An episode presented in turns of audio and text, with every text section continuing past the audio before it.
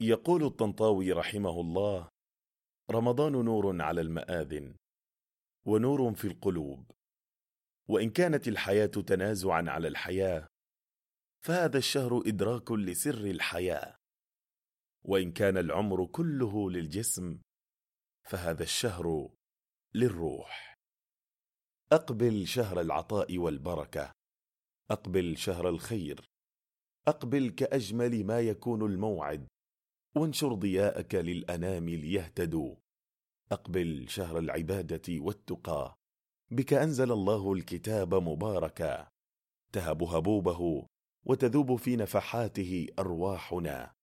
يصلح ما ضر أرواحنا ويهذب أنفسنا ويطهر دواخلنا. روحانية رمضان جعلتنا ننتظره بفارغ الصبر. جعلتنا نضع قوائم من الأمنيات والأحلام التي ما زالت معلقة في سماء الإله. ننتظر قبولها وقول الله لها كوني لتكون. البعض منا يستقبل رمضان وهم فاقدين ولديهم مفقودين.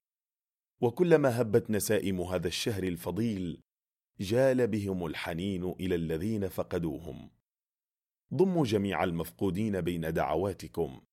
لعل الله يجعلهم في أعلى المراتب. الجميل في الأمر أننا أصبحنا نستقبل رمضان استقبال العيد بالبهجة والسرور والعطاء واللباس الشعبي. ومنا من يضع الزينة في منزله أو في الممرات والطرقات ويسبق احتفال عائلي بسيط. يضم كل ما هو قديم من مأكولات شعبية وغيرها. القرآن الكريم قد أشار إلى شيوع الصيام في الأمم السابقة بقوله سبحانه يا أيها الذين آمنوا كتب عليكم الصيام كما كتب على الذين من قبلكم. وقد أكدت أبحاث أنثروبولوجيا الأديان أن فعل الصوم يكاد يكون سلوكا مشتركا بين جميع الملل الدينية. وبالإضافة إلى المراكز والمؤسسات الطبية التي تلجأ إلى الصوم كطريقة علاجية. هناك مئات من الكتب والأبحاث التي تناولت الصوم في مختلف الجوانب والأبعاد. ومن بين الأدبيات الكلاسيكية في الموضوع نذكر كتاب هاربرت شيلتون الصوم وكتاب نيكولايف بيلوي الجوع من أجل الصحة والصوم لجسبر بولينج والصوم والصحة لميريان ديزري وغيرها. ونجد الكثير من الأبحاث تنصح بالتدريب على كبح الشهوة والسيطرة على الرغبات بالصوم. بل ثمة مئات من المؤسسات والمراكز الطبية تتخصص في العلاج بالصوم. نكتفي بذكر أشهرها مثل الجمعية العالمية للصحة وجمعية الطبيعة والصحة بكندا والجمعية الأمريكية للصحة الطبيعية. إلى آخره. هذا فضلا عن عديد من الجمعيات والمراكز المبثوثة في أوروبا دون أن نعد الآلاف من المراكز الموجودة في آسيا اليابان والهند والصين والتي من المعلوم أن لها في تقاليدها الدينية القديمة سابق اهتمام وتقدير للصوم. وفي هذا الشهر نستطيع أن نتقرب أكثر بالطاعات والعبادات إلى الله. نتفكر في ماهيتنا. نعيد النظر إلى طريقة عيشنا وتغييرها. ليست فقط في شهر رمضان وإنما الامتثال بهذه الأخلاق الرفيعة في كل شهور العام. الصوم برنامج ارتقائي بالإنسان يأخذه بمختلف أبعاده وملكاته. فقد أوصى النبي صلى الله عليه وسلم بأن يتمثل المسلم في صومه مجموعة من الصفات الخلقية ويتدرب على ضبط نوازع الشر بداخله. من لم يدع قول الزور والعمل به فليس لله حاجة في أن يدع طعامه وشرابه. ليس الصيام من الأكل والشرب إنما الصيام من اللغو والرفث. فإن سابك أحد أو جهل عليك فقل إني صائم إني صائم.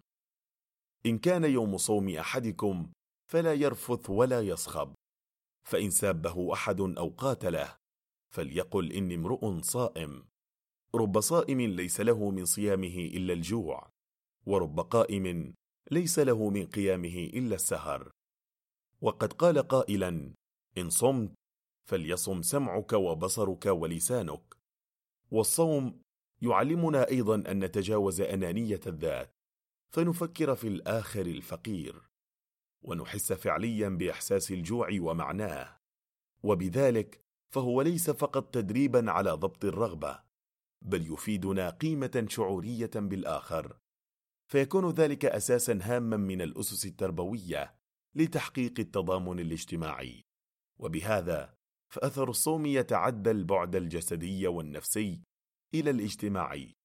ومن ذلك نرى الكثير من الفرق التطوعية التي تقوم أساساتها على إفطار الصائم وأيضا الجمعيات التي تساعد وتدرب على التعاون ومساعدة بعضنا البعض أيا كانت أعمارنا أو مستوياتنا الاجتماعية.